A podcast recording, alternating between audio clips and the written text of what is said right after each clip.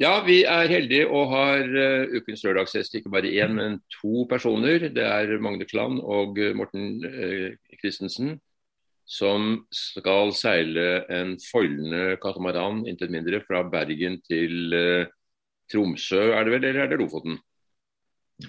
Vi får se hvor langt vi kommer. Det, vi skal eh, nordover fra Bergen. Jeg tror vi har endra litt fokus til det. Så mm. vi seiler så langt vi kommer. Lofoten er det som har vært planen uh, opprinnelig. Ja. Dere skal starte jeg skjønner, da, i løpet av neste uke en gang. Uh, men dere har hatt litt skjær i sjøen. Fortell meg hva som har skjedd. Ja, eh, det er eh, Det begynte vel med at eh, båten fra starten av har tatt inn litt mer vann enn vi, enn vi syns var fornuftig. Så fort et par liter vann i hvert skrog etter en liten seiltur.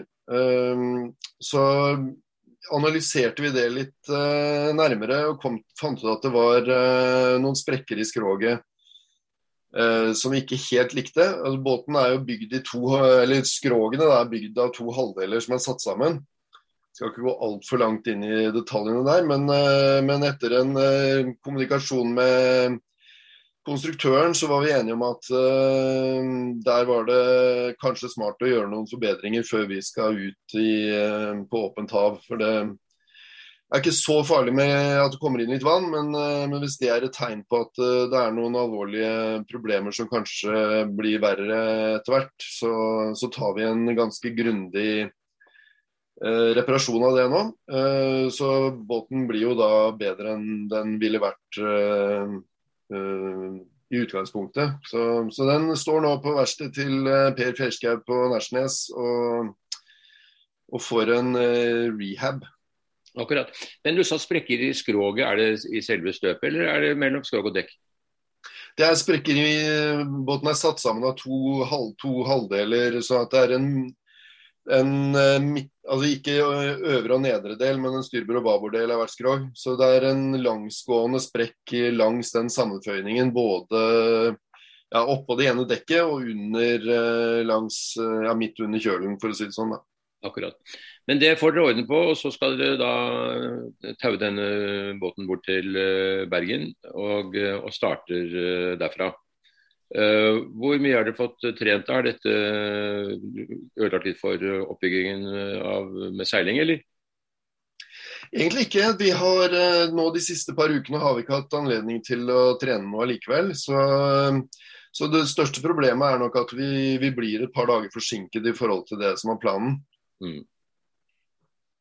Og så skal dere da seile om dagen og sove om natten eh, under land. Eh, I telt på stranden og litt eh, på, på herberger og hoteller, kanskje. Men det blir dagsturer nordover. Dere har sikkert sett litt på langtidsvarsler og sånn. Hvordan ser det ut fremover i begynnelsen av august? Faktisk ikke sett noe på langtidsvarsel ennå. Det er, det er en, en, uke fram, så da føler jeg at det langtidsvarselet er ikke så mye å bry seg om.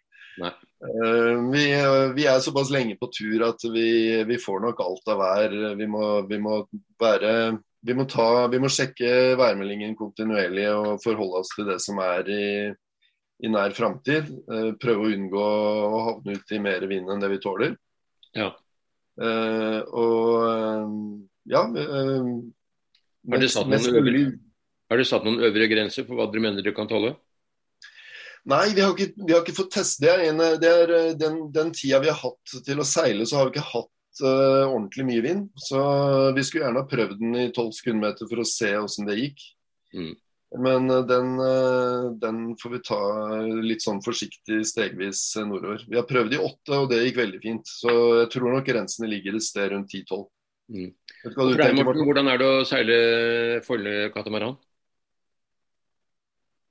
Ja, eh, det er jo det er ganske morsomt. Det er jo en litt annen måte å seile på enn eh, tyngre kjølebåter, som eh, de fleste av oss vanligvis holder på med.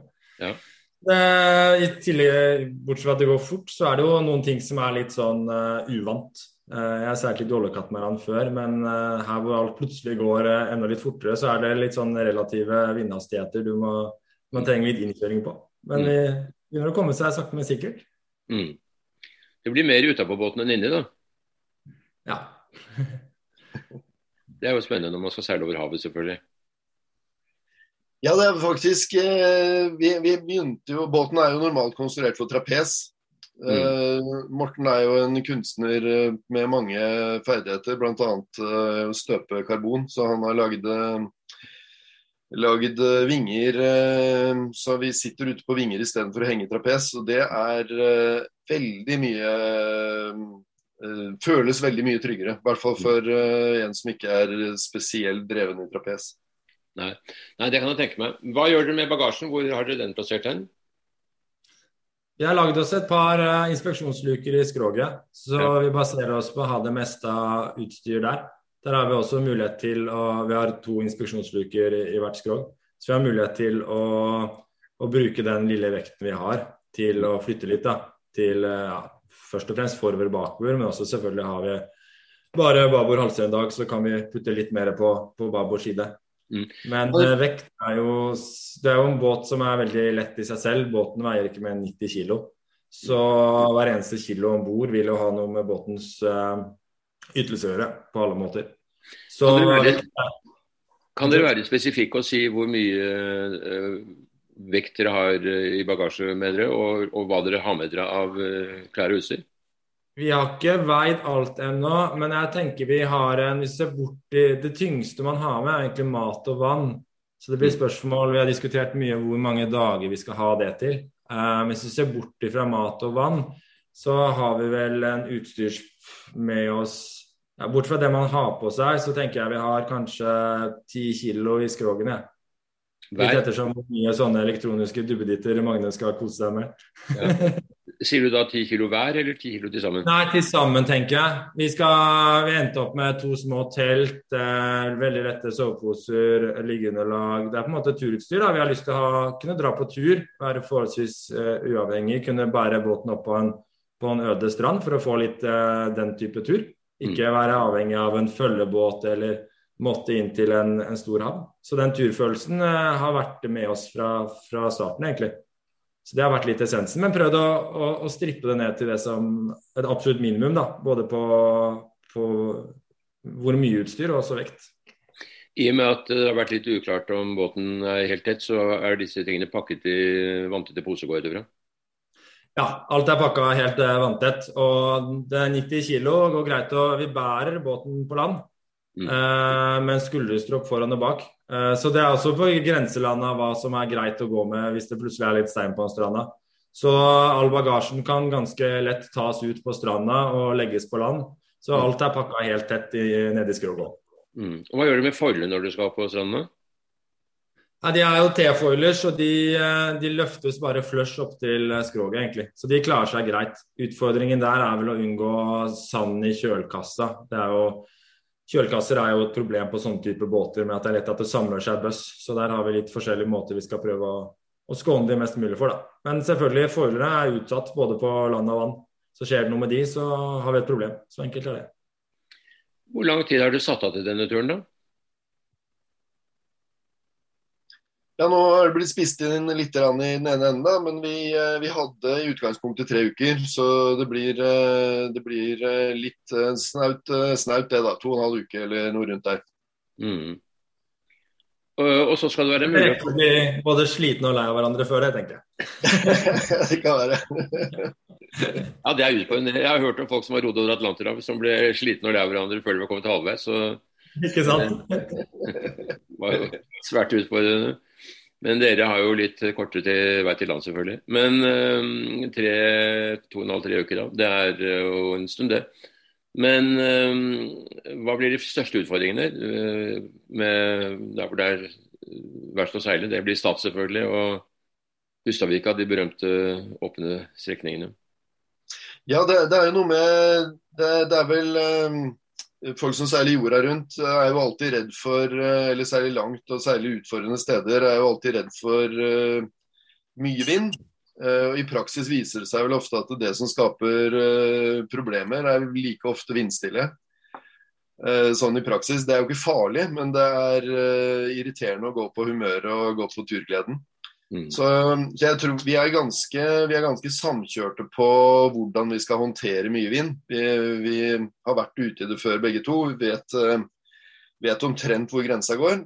Vi kommer helt sikkert til å balansere på den grensa og kanskje passere den eh, noen ganger.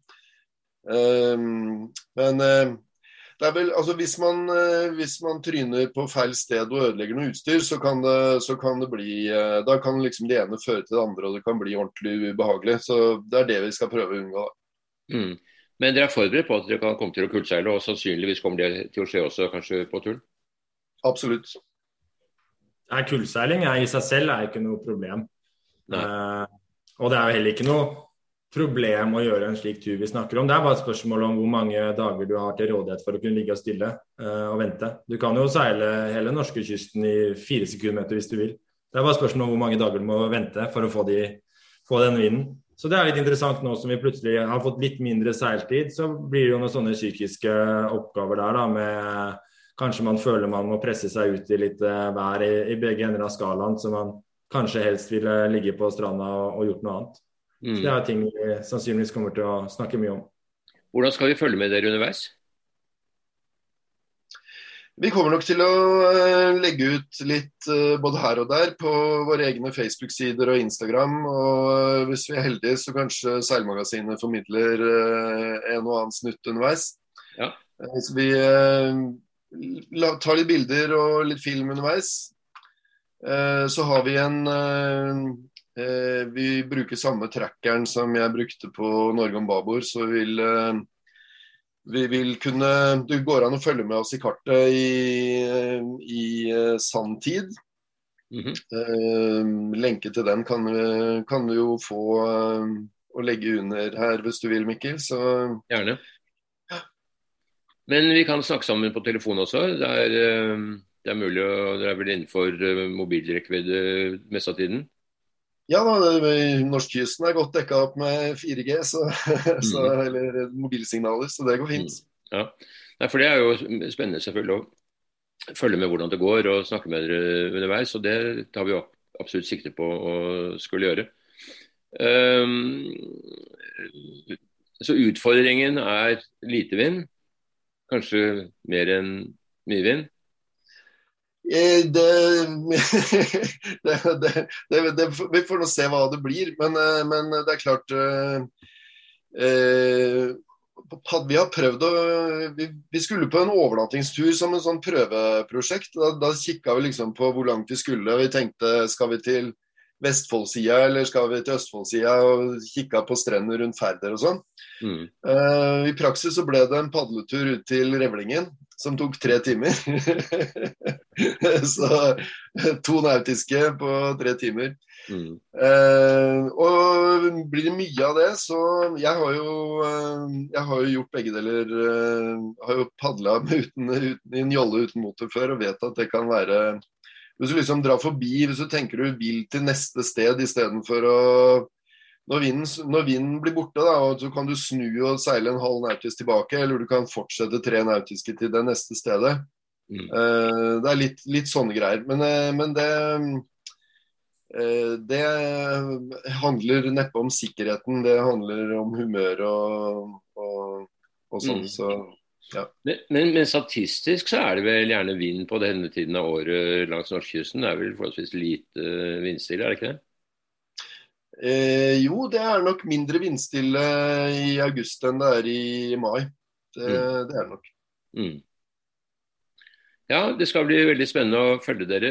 Vi kommer selvfølgelig til å legge ut uh, saker og snakke med dere på telefonen uh, titt og ofte. Så vi får håpe at uh, båten er nå og, klar for avreise. Så det, det blir da en gang mellom onsdag og lørdag i neste uke. Så da skal vi følge med på dere og legge ut uh, bilder fra avreisen i Bergen, tenker jeg vi sier. Veldig hyggelig. Takk for praten, Mikkel. I like måte. Ha det bra, Morten. Ha det bra.